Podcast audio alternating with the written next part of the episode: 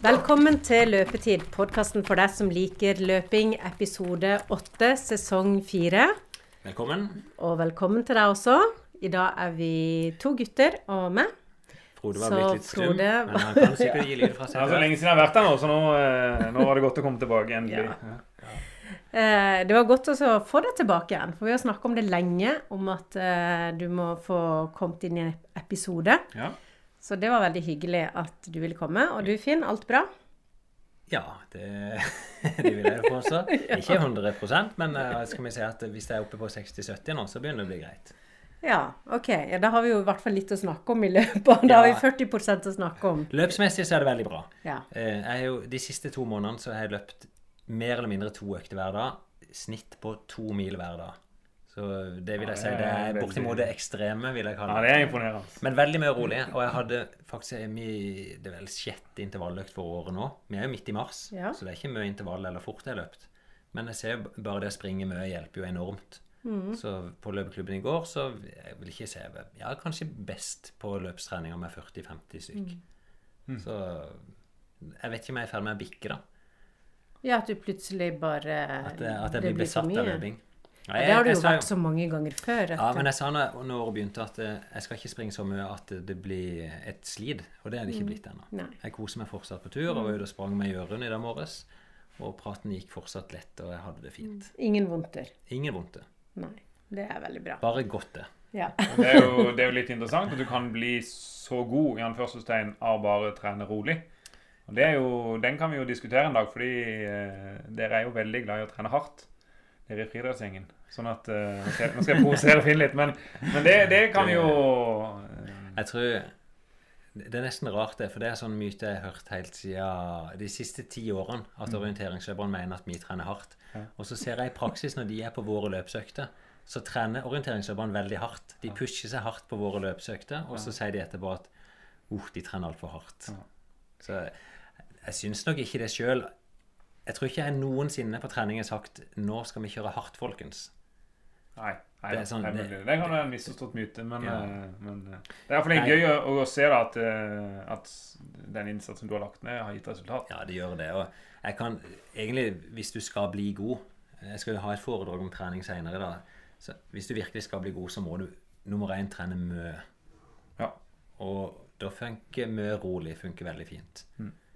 Og skal det bli enda bedre, så må du kanskje etter hvert, da, sånn, hvis vi er tilbake igjen til Kenya, Sondre Nostamoen, så når du er kommet på et nivå og trent mye over mange år, så må du kanskje øke stimuliet med å trene mer hardt. Mm.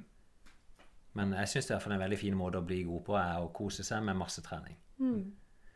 Og så hvis du dessverre, da, hvis du skal trene lite, sånn som du, Frode, Ja. skal jeg stikke litt tilbake, så må du kanskje velge en vei der du må trene litt hardere da, hvis du Ja. vil ha effekt. Ja. Men det er for å holde med det, vet du, for når jeg løper med deg, så løper du rolig og jeg fort. Så da får vi liksom begge to treningseffekten vi ønsker. Så det er helt topp. Jeg får jo noen kommentarer på det når jeg skriver på Strava at det var en rolig løpetur, og så er det kanskje 15 km i 4.40-45 fart. Så er det jo for mange veldig hardt. Mm. Men det å springe rolig, det er jo opplevelsen sjøl av å springe rolig. Ja. Og jeg sier jo alltid, istedenfor å bruke pulsklokke på det, hvis du er i tvil om det er rolig, så er det ikke rolig. Nei. Da, er springer du hardt. ikke sant? Så det er bare, den følelsen er veldig enkel. Men har du, når, når dere snakker sånn om sånn, det, det høres veldig enkelt ut. Er det sånn at dere som har trent så mye, har en sånn helt sånn jevn stigende puls? Sånn at eh, når dere begynner å løpe, så stiger det liksom sånn, og så her er det rolig, og så fortsetter det sånn. For jeg blir kjempeandpusten de første ti minuttene. Uansett liksom at jeg holder på å Eh, dø de første ti minuttene, og så roer det seg ned etterpå. Ja, det, det kjennes ikke sånn ut når du er godt trent. Men jeg kan kjenne igjen det hvis jeg begynner å springe en motbakke. Så vil jeg nok Ja. få samme opplevelsen som du gjør. Um, men pulsen den vil stige litt opp, og så stabiliserer den seg normalt. da. Men jeg, ser, jeg bruker jo ikke puls sjøl. Det vil si, jeg har jo en sånn en klokke, pulsklokke da, med puls i armen da. Men mm. jeg vet ikke om vi snakker om det. Jeg, jeg, de funker ikke veldig godt ennå. De er i hvert fall ikke gode nok. Det er for mye variasjon, og så plutselig så ligger det over makspuls i lange perioder. Ja. Mm. Men det vil nok komme og bli god nok. Men jeg tenker følelsen den Hvis du lytter til kroppen, så er det mer enn godt nok. Men gutter, dere har jo vært på løpetur sammen. Du, jeg møtte Frode her på var det fredag for fem-seks dager siden. Ja. Eh, han jobber jo i Misuno. Frode er jo markedssjef i Misuno. eh, i, I Norden, faktisk. Mhm. Og han er så opptatt på jobb at eh, når jeg prøvde å foreslå vi skulle ha et løpende møte, så måtte han møte meg klokka sju om morgenen. Nei, Det var en dårlig uke forrige uke med syke barn og forskjellige ting. Så da, men eh, det er jo ingenting som er bedre enn å komme på jobb ferdig dusja klokka åtte og si at du har løpt med Finn. Ja. Da, da, blir det, da blir det respekt i gjengen. Så det er hyggelig. Og har diskutert eh, egentlig jobbting. ja, for det var det vi gjorde der absolutt. Det var det. Misuno er jo en av sponsorene på sommerløpet, så det var en anledning for å snakke om det. Mm. Og så brukte vi temaet da om Nike nå har vunnet, endelig vunnet liksom, kampen om skoen. Om den beste skoen. Den aller raskeste skoen. Og det er litt sånn Sikkert alle som hører på òg, da. De snakker om sko, og så er det liksom Kipchoge og Nike som har vunnet dette slaget om skal du springe fort, så må du ha Nike next prosent. Så uten at vi skal konkludere noe på det nå, så kanskje vi skal gå inn i den turen. Og gå inn fredag morgen klokka syv. Der er ut fra døra kvart på syv, kanskje. Litt grann forsinka til at Frode har måttet ringe meg underveis. Eh, så tror vi, kan ikke vi gå inn og høre den fine turen? God morgen. Da er vi ute en fredag morgen i mars. En veldig fin morgen, altså. Akkurat soloppgang. Eh, jeg bor jo på en liten sånn høyde. Skal bare bort og se her. Ja, det, er litt grann, noen små skyer som gjør at jeg ikke kan se sola ennå. Det er sånn akkurat i den grålysninga. Jeg vet ikke om vi ikke hører det så godt som vi gjorde i Afrika, da, men det er i hvert fall nærmer seg litt vår og fuglekvitter.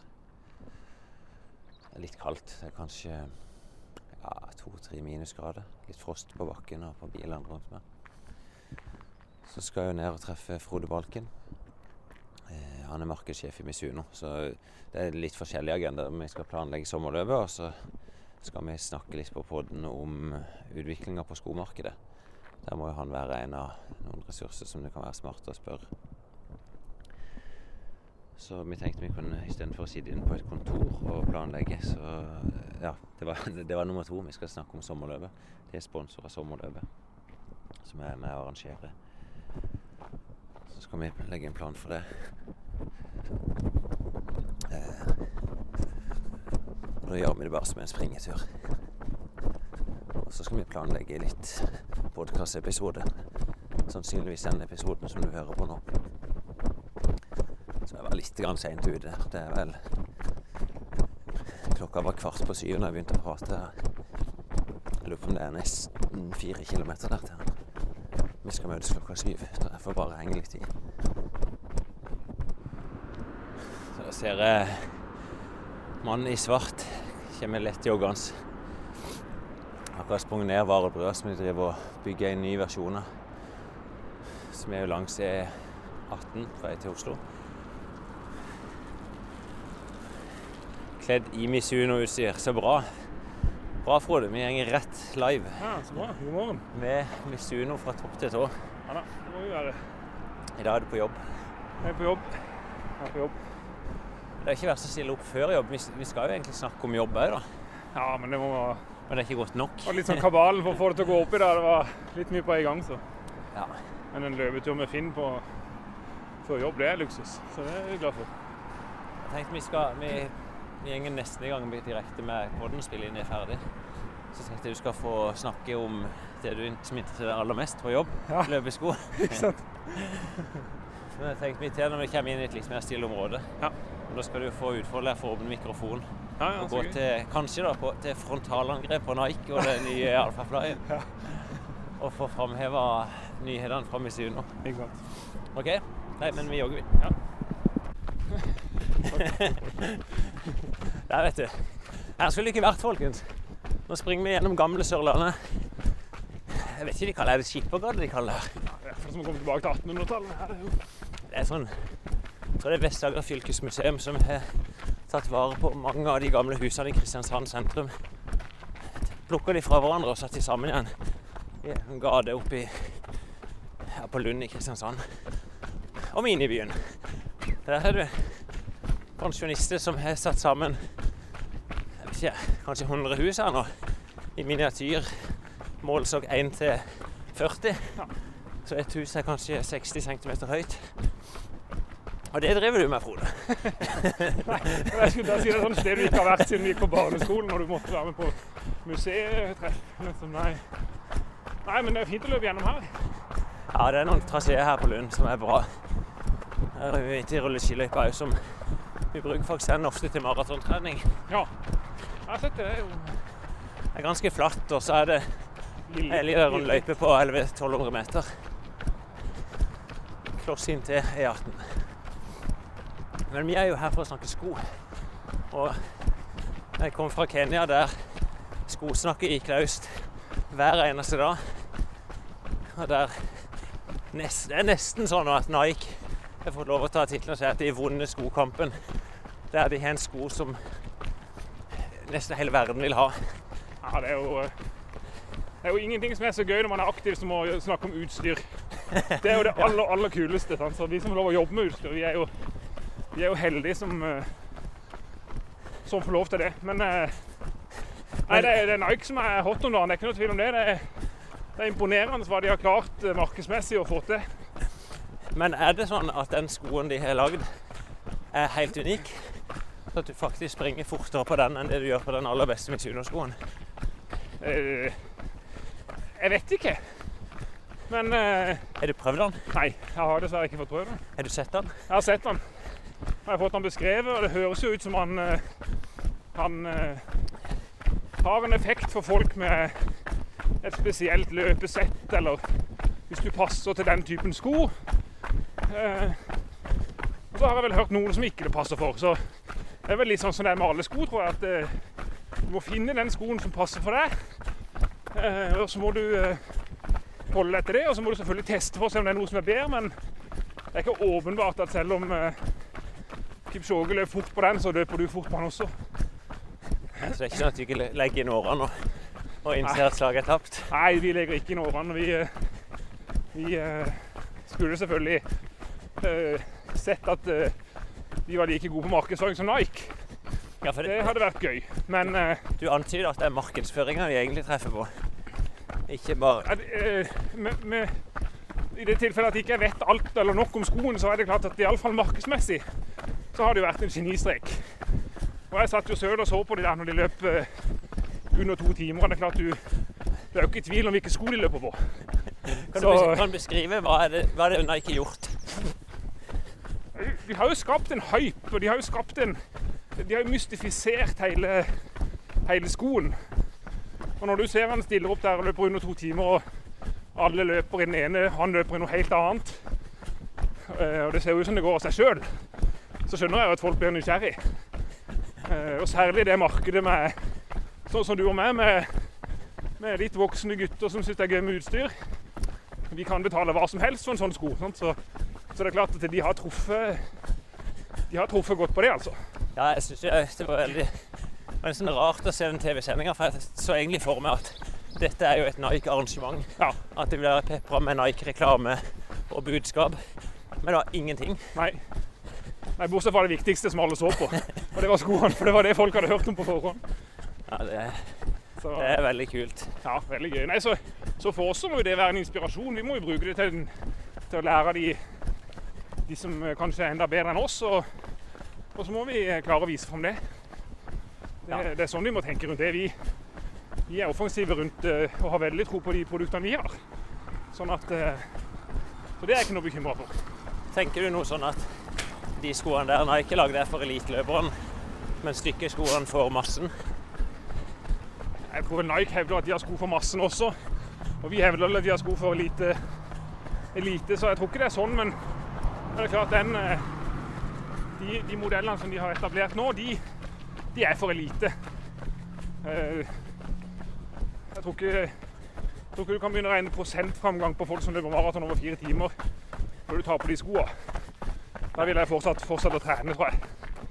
Sånn at eh, Men dere møter ikke utøvere sjøl som dere sponser, som eh, henvender seg og vil se opp avtalen, eller vil be om å få springe på de skoene? Jo, vi har eh, definitivt diskusjoner rundt det. Ja. Og, og svaret vårt da er jo eh, veldig tydelig at hvis du har mer tro på Nike, så må du ringe til Nike. Ja. Eh, da kan ikke vi hjelpe deg videre, men, men vi mener at eh, At du, du løper ikke nødvendigvis seinere på Misuno-sko. Hvis du tror at det er det riktige for deg. Og det er litt det òg. Det sitter litt i huet her, tror jeg.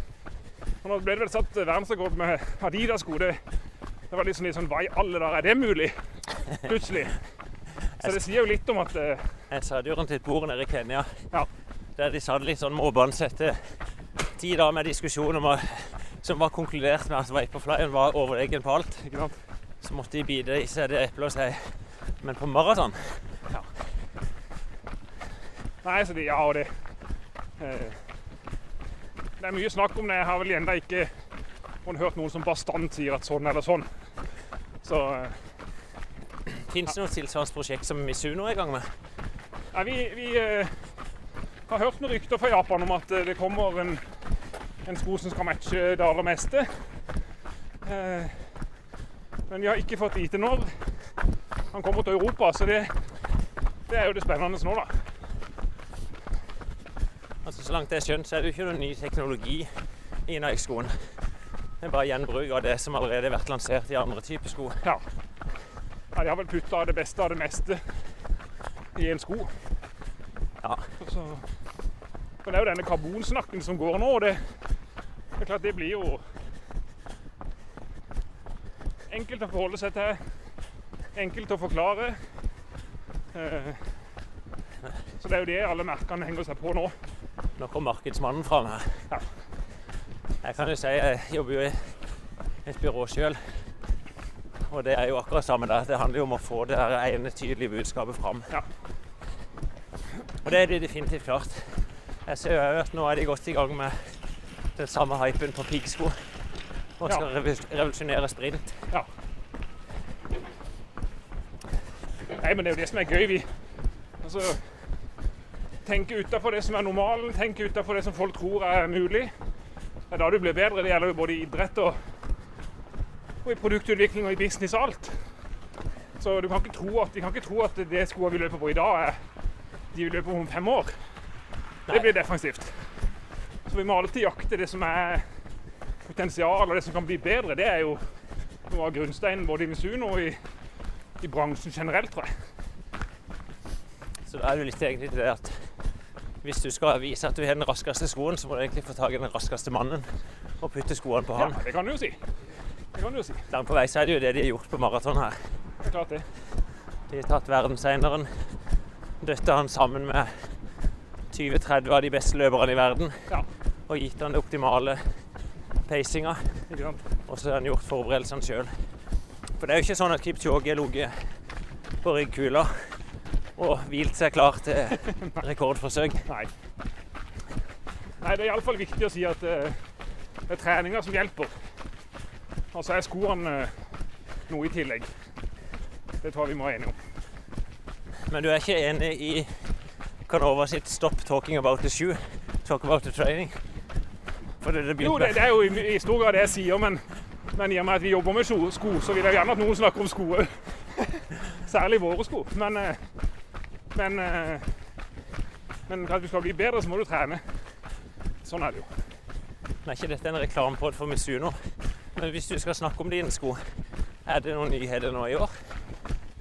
Ja, Vi kommer med et par modeller som er spennende. Som er litt i, litt i tråd med trenden med mykere demping. Men samtidig som er stabile og, og ha det, det trygge Misuno-stempelet på seg. Ja, for Som Mis- eh, Misuno er heter Sky, trygt. Skyrise, som er, som er blitt testa både eh, Martin Jonsrud Sundby og Marit Bjørgen. Og, og flere av de, eh, de beste løperne har fått veldig gode skussmål.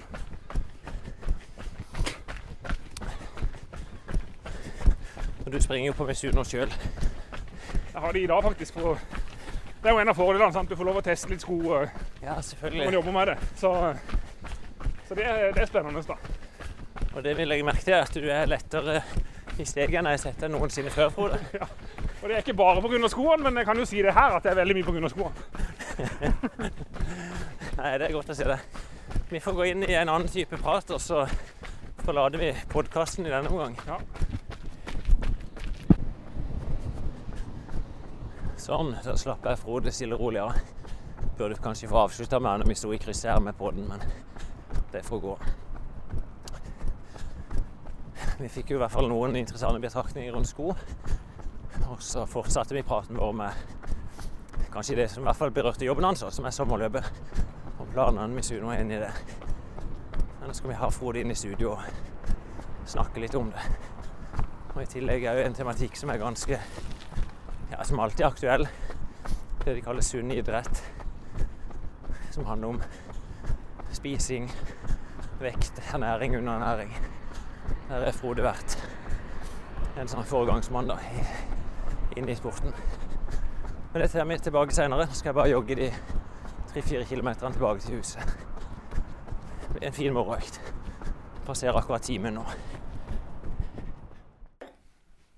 Så, men eh, Frode, når du eh, er i denne her eh, markedsføringskrigen, da, med mm. andre skoprodusenter og sånn du, tenker, Snakker dere sammen litt om det kan gå for langt? Om sko kan bli for dyre? Om det kan bli for spesialisert? Eller er det liksom bare å kjøre på? Sky's the limit. Eh, nei, eh, vi, vi tenker jo selvfølgelig på at prisen må være uh, riktig for uh, massen. Men det er klart den skoen som vi snakker om her med Nike, det er jo ikke en massesko. Det er jo en, en, en spesialistsko som Finn og de som løper enda fortere enn han, på en måte vil lukte etter. Og da tenker jeg nok at pris vil være litt underordna, og at det er måtte, det feteste og det mest high-tech som er nøkkelen i det, kanskje. Men det kan det være skadelig for løpsmiljøet eller for engasjementet? det er vel det som er litt diskusjonen nå, å finne liksom at uh, Kipchoge løper med sko som ingen egentlig vet hva er inni, og, og det er vel derfor denne nye regelen kom, at det må være i salg så og så mange måneder før det skal løpes, og, og det skal være tilgjengelig for alle. Ja, et, Det som Nike lykkes med, er å doble prisen på løpesko. Så plutselig selger de nå løpesko til 3000 kroner. Mm. og jeg syns det er trist for løpinga sin del at folk nå tror at hvis jeg bare betaler mye nok, så springer jeg fortere. Og det er jo definitivt ikke tilfellet. Nei. Eh, kanskje vi kan ha en debatt om er den skoen så Er den litt bedre for de aller, aller beste? Men på mosjonsnivå så er det ingen betydning. Altså, det, det vil være helt umulig å, å Det har i alle fall en, en, en mye mindre betydning enn det her ville være å trene. Så Ja, istedenfor å trene to ganger ekstra, å kjøpe nye sko, det vi, kan vi iallfall ikke anbefale. Ja, jeg blir litt sånn der eh, Jeg vegrer meg litt for å gå og kjøpe nye sko. For det, det er så mye å velge mellom, og det er så mange hensyn. Og så er det liksom pronasjon den ene veien og den andre veien, og dropp og ditt og datt. Dette... At jeg blir litt sånn der eh, eh, Du må kunne så mye før du går inn og skal finne en det, sko. At det det er bare som forbruker at du kan bli litt villeda i det. For det er jo ikke komplisert. Nei, du sier jo at den skoen som du liker best, er den beste. jeg kan si det som er mitt problem, det er jo drevet med løpinga siden ja, slutten av 80-tallet. Nå høres jeg veldig gammel ut, da. Men det å være ung, veldig ung eh, Da var det, da kom Nike Air. Det var en revolusjon. Ja. Det var store sko. Og så gikk det plutselig Nå var det barfotsko. Den boka som du sikkert har lest Mm. Sjøl, ja. om disse indianerne som sprang barfot, eller med bare en såle. Jeg begynte med chiafrø Og så hiver hele løpsbransjen nesten seg på at nå er det liksom, skal du springe fort, så er det ingen demping. Og så kom plutselig der dropp. Eh, og nå er det plutselig store, myke sko med demping og karbon. Så eh, hvis, du vil bli, hvis du vil følge siste moden, siste hypen, så kan du være der.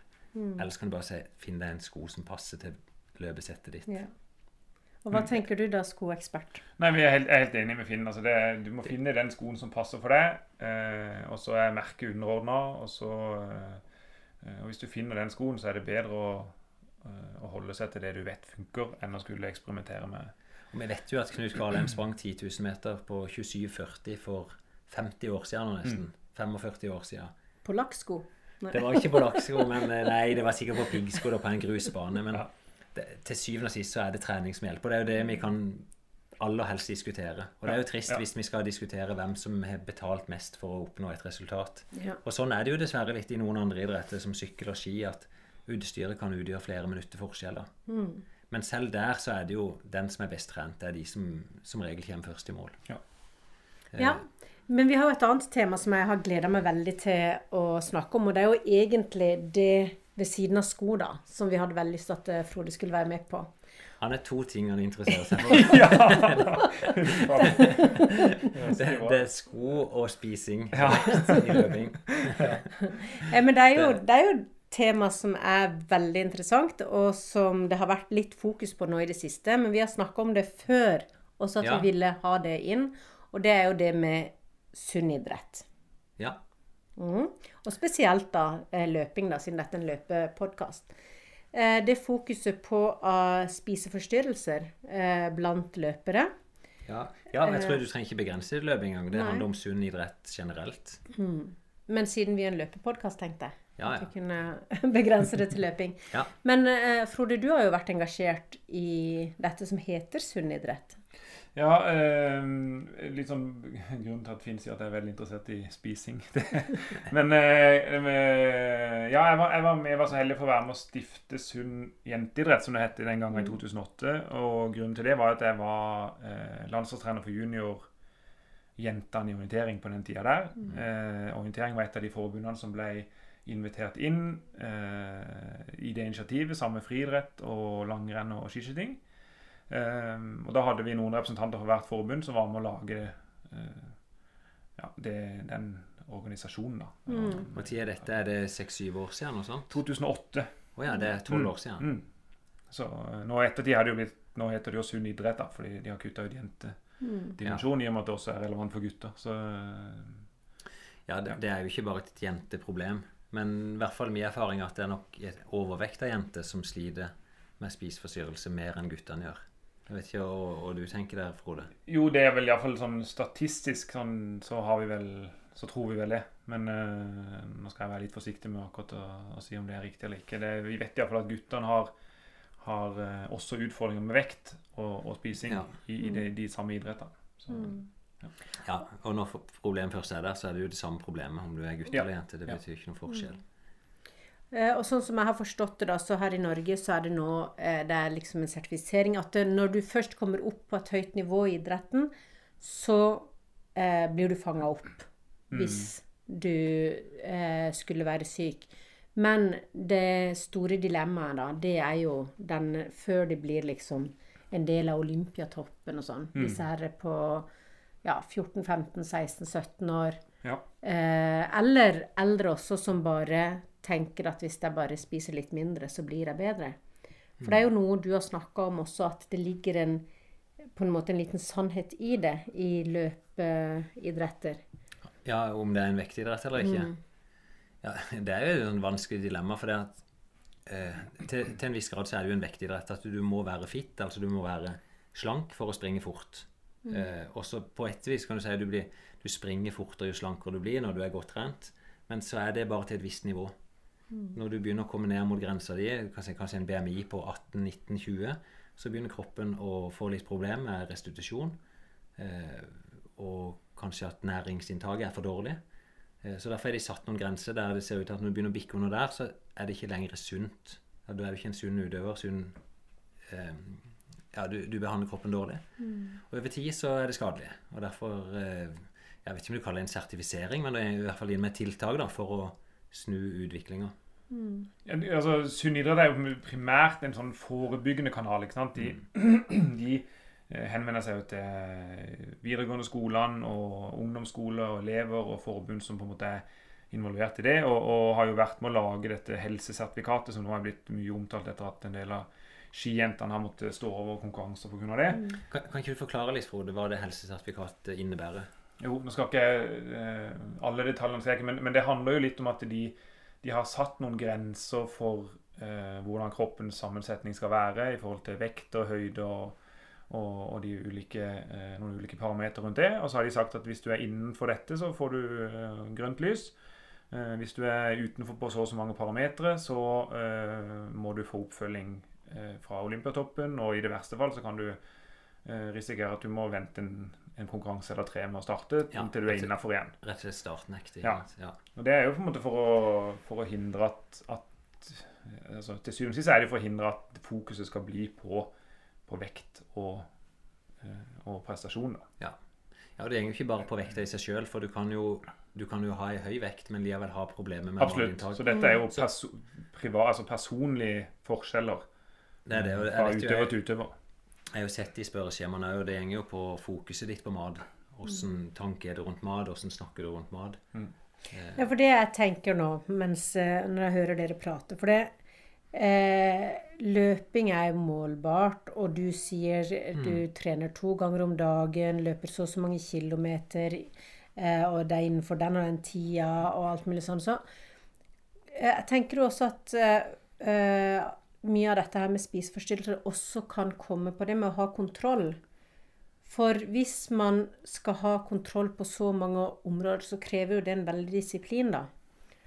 Og hvis du da begynner å disiplinere maten også, ikke sant? at det skal bli ett knekkebrød til frokost, og så litt lunsj, og liksom sånn At det, eh, det er en idrett som ofte kan bli litt for målbar, da. At, eh, at det fokuset kanskje kan bli Dreie seg for mye om tall og jeg, jeg vekt vet ikke og med bare med tall å kalorier gjøre. For, og for du kan si langrenn, orientering, skiskyting er jo heller ikke noe Der er det ikke det målbare på samme vis som i løpinga. Eh, men det handler nok om en kanskje en litt sånn en feil tanke rundt at jo lettere jeg blir, Mm. eh, jo bedre vil jeg prestere. At ikke du klarer å komme ut av det mønsteret der. Mm. Eh, I hvert fall så har jeg vært til noen samtaler med utøvere til, på oppfølging. Og de sier ofte det kan være en, en litt god prognose hvis du er utøver og er underernært for det at du skal prestere. For da kan det, det kan bare være et, et verdensbilde som du kan snu litt på. Så at, vet du hva, du har tatt feil. Det er ikke sånn at du presterer bedre nå. Vi må snu på dette. Eh, mens du bare, hvis du er en vanlig anorektiker og kanskje ikke har det målet med prestasjon, at det bare er vekta, så kan det være vanskeligere å snu. Ja, at du bare Så Ja. Ja, Nå var det Hva er det? Regnbuksa di? Ja, men jeg vet ikke Hvis min ligger i skuffen. Jeg vet ikke. Det kan- du. Ja, ja. Regnbuksa på skolen. Ja, ja. Da kommer ikke den hjem igjen.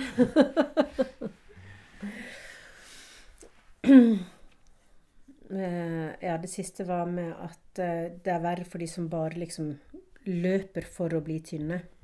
ja. Mm. Eller det, nei, ikke eh, det er Motsatt, faktisk. Altså at hvis du bare vil bli tynn, så kan det være vanskeligere å snu enn hvis, Ja. du, hvis du gjør det for prestasjon. Men åssen er det i orienteringsmiljøet? Nei, jeg, jeg tror vi eh, Altså, orientering eh, kan si, er jo mindre målbart enn en, enn friidrett, hvis du skal sammenligne med det.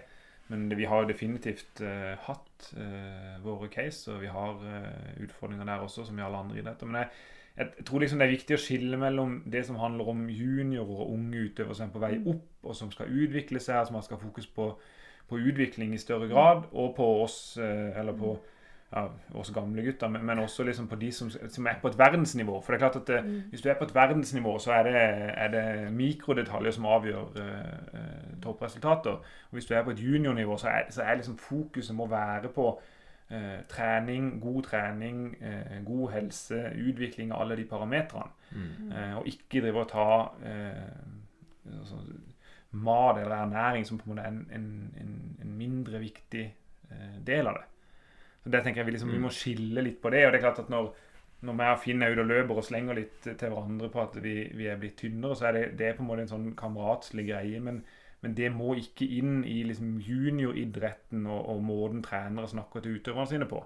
Det tror jeg liksom er litt av kulturen som vi kanskje eh, Ja, vi, vi, vi voksne gutter, da, hvis vi skal kalle oss det, har liksom sånn tendensen Eller det er liksom farlig tendens det kan være, da. Ja, og det, det handler nok litt ofte om at eh, vi kan være litt overvektige i lubbene, og at litt av motivasjonen for å løpe og komme i form er å gå ned i vekt samtidig. Og det er jo helt fint for, for voksne, voksne folk når de er 50 og 40 og 50 år. Men, men det, har, det, det har ingenting hjemme på en juniorarena å gjøre. Og det er liksom, tror jeg er sånn budskapet vi må Og det er vel kanskje der jentene har en litt større utfordring enn guttene akkurat i den alderen de, de kommer inn i pubertet. Vi har jo eksempel på mange ofte gode um, ungdomsutøvere i 15-16-årsklassen der de kanskje jentene ikke er utvikla ennå. De er tynne, lette, små. Og så begynner kroppen å utvikle seg til å bli ei voksen dame. Eh, og det å, det å faktisk tåle å gå gjennom den alderen der du de er nesten nødt til å oppleve stagnasjon på idrettsbanen. Ja. For de får hofte, de får pupper, og de, de skal bli voksne damer. å ha tålmodighet til å gå gjennom det med bare god trening, Ja. det er vanskelig. Ja, det er vanskelig. og Det er, Det er vanskelig å akseptere tilbakegang nesten uansett. Og det krever mye av de utøverne det gjelder, og det krever mye av det støtteapparatet som er rundt, og liksom fortelle de den hvorfor det er som det. For det er klart at hvis du går gjennom to-tre år med kjempegod trening og ikke opplever uh, framgang, så er det Det er ikke mange som tør eller som tåler det. Men hva gjør du da? Enten hvis du tenker sjøl at jeg ikke har et sunt forhold til mat og hører på nå, eller du er foreldre til noen som du på en måte er litt bekymra for.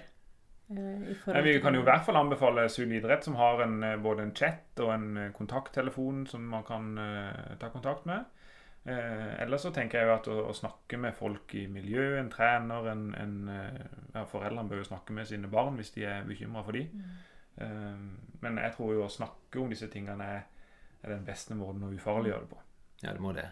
Mm. det jeg vet jo, jeg som driver en klubb, at det, hvis en opplever da at noen har problem, så ikke vær redd for, for å ta det opp med treneren. Altså på vegne av andre òg. Eh, treneren har da en plikt til å følge opp dette og kunne snakke med utøveren eller foreldre. Og det samme gjør klubben som sådan. Eh, der det ofte slår inn dette med sunn, jente, eller sunn idrett, det er jo når de, når de skal ut og representere Norge. Mm. Eh, og det er mange som ikke De vil aldri komme dit fordi at problemet er for stort i tidlig alder. Så de blir aldri gode utøvere, nettopp pga. sykdommen. Eh, og da er det dessverre på et vis et klubb- og treneransvar å, å prøve å hjelpe til. Men jeg vet Det som er vanskelig oppi det, det er jo Du snakker om Olympiatoppen. Eh, Olympiatoppen har jo ingen ansvar overfor utøvere som aldri har prestert. Eh, så det blir sånn nåløye. Du må liksom være god nok for å komme inn gjennom det apparatet. Og hvis det ikke henvises ut til fastlege og et hjelpeapparat på sykehuset, som kanskje ikke er så skolert ennå på akkurat dette. Så det handler om å bygge opp gode systemer da, i klubb. Få de rette kontaktpersonene. Ja. Så sånn som her i, her i byen, så er vi jo heldige. Her er jo Olympiatoppen til stede. Ja. Og det er en gang for oss som klubb da, å invitere de ned på temakveld og snakke om dette. Og få lov å bestille time for de utøverne som er i faresona. Ja, for jeg, jobber jo i videregående skole, og der ser jeg de jo også eh, jenter og Flest jenter som jeg har sett, da, og, men sikkert noen gutter også.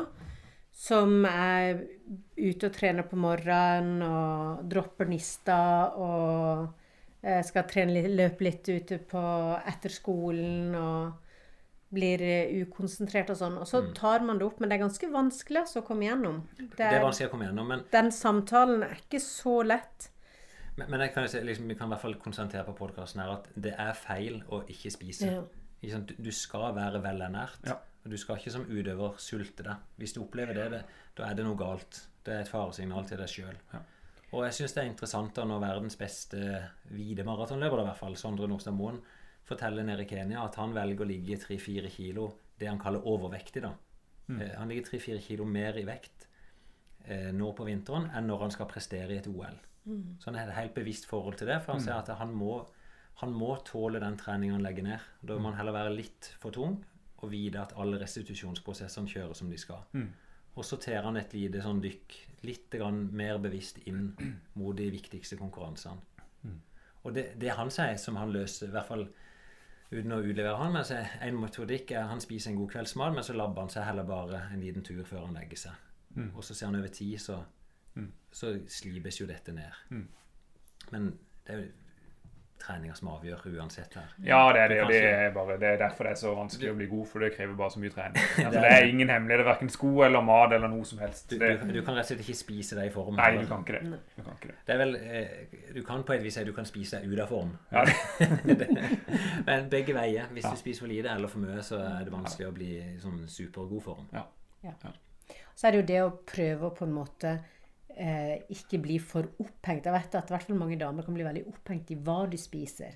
At eh, noe er så mye bedre enn noe annet, og blir veldig sånn på liksom detaljnivå, da. Men det å ha et sunt forhold til mat dreier seg også om det. Om å ha et balansert, eh, godt kosthold. Ikke fylle opp med alt mulig pulver og tabletter og, og sånn, men spise Ja. vanlig kosthold. Jeg, jeg husker mange år siden jeg snakka med Tor Arne Hetland, som er like gammel som meg. Og han var jo verdens beste skiløper. Og jeg spurte åssen tanker han hadde rundt kosthold. Og han sa det var veldig enkelt. Jeg spiser det jeg får servert der jeg er. Da blir, mat, da blir kostholdet godt nok. Og jeg har sett for mange utøvere til at jeg kan si at kosthold er ekstremt viktig. Det er ikke det. Du må bare spise din frokost, lunsj, middag, kvelds. Eh, Du må ta til deg næring i forbindelse med trening. Eh, Og det er jo egentlig ikke vanskelig i det hele tatt. Spiser du vanlig brød og melk, så funker det. Men det er nok også litt sånn, sånn som med skoene, markedsføringsindustrien, ikke sant? som begynner med absolutt. pulver og gel og Ja power ditten og datten og legger til et eller annet sånne Ja. eh, ord. Super, for Ja, ja, ja, eksempel. Når det kommer til mat, Ja. er Men det er jo litt det samme at du, hvis det kommer en eller annen eh, teori om at hvis du bare trener sånn, så blir du supergod, eller hvis du bare spiser det, så blir det det, det er jo en hype, og så går det over, og så er det jo gøy for de som hang seg på, men det er ikke sikkert det hjalp. Eh, og, det, og det er jo tilbake igjen til at det er det er hardt arbeid over tid på alle ting, og det er trening òg. Så spise sunt og trene godt. Det er jo litt sånn dørgende kjedelig budskap, men Det er jo dørgende kjedelig. Men det er dessverre det som funker, da. Og det er dessverre det både meg og Jack White kommer til å snakke om i kveld når vi skal ha foredrag. Ja. At ting er Gjør det normale. Det er det som funker veldig greit, altså. For dere skal til Risør, var det det? Ja. Risør de, de driver veldig godt der borte. Så jeg var der for noen år siden jeg hadde foredrag. Da dukka det opp over 100 stykk. Eh, Ja. Så i dag skal vi ha jaktmøte der borte. Skal ha ei trening med fellesøkter sammen med den gruppa som er der. Og så skal vi ha en halvannen-to timer bare med inspirasjon. Og det er nok eh, Det er jo Jack som er stjerna der borte. Så han skal fortelle om treninga til Grete Waitz, og så skal jeg snakke litt om klubbutvikling og, og noe trening generelt. Ja.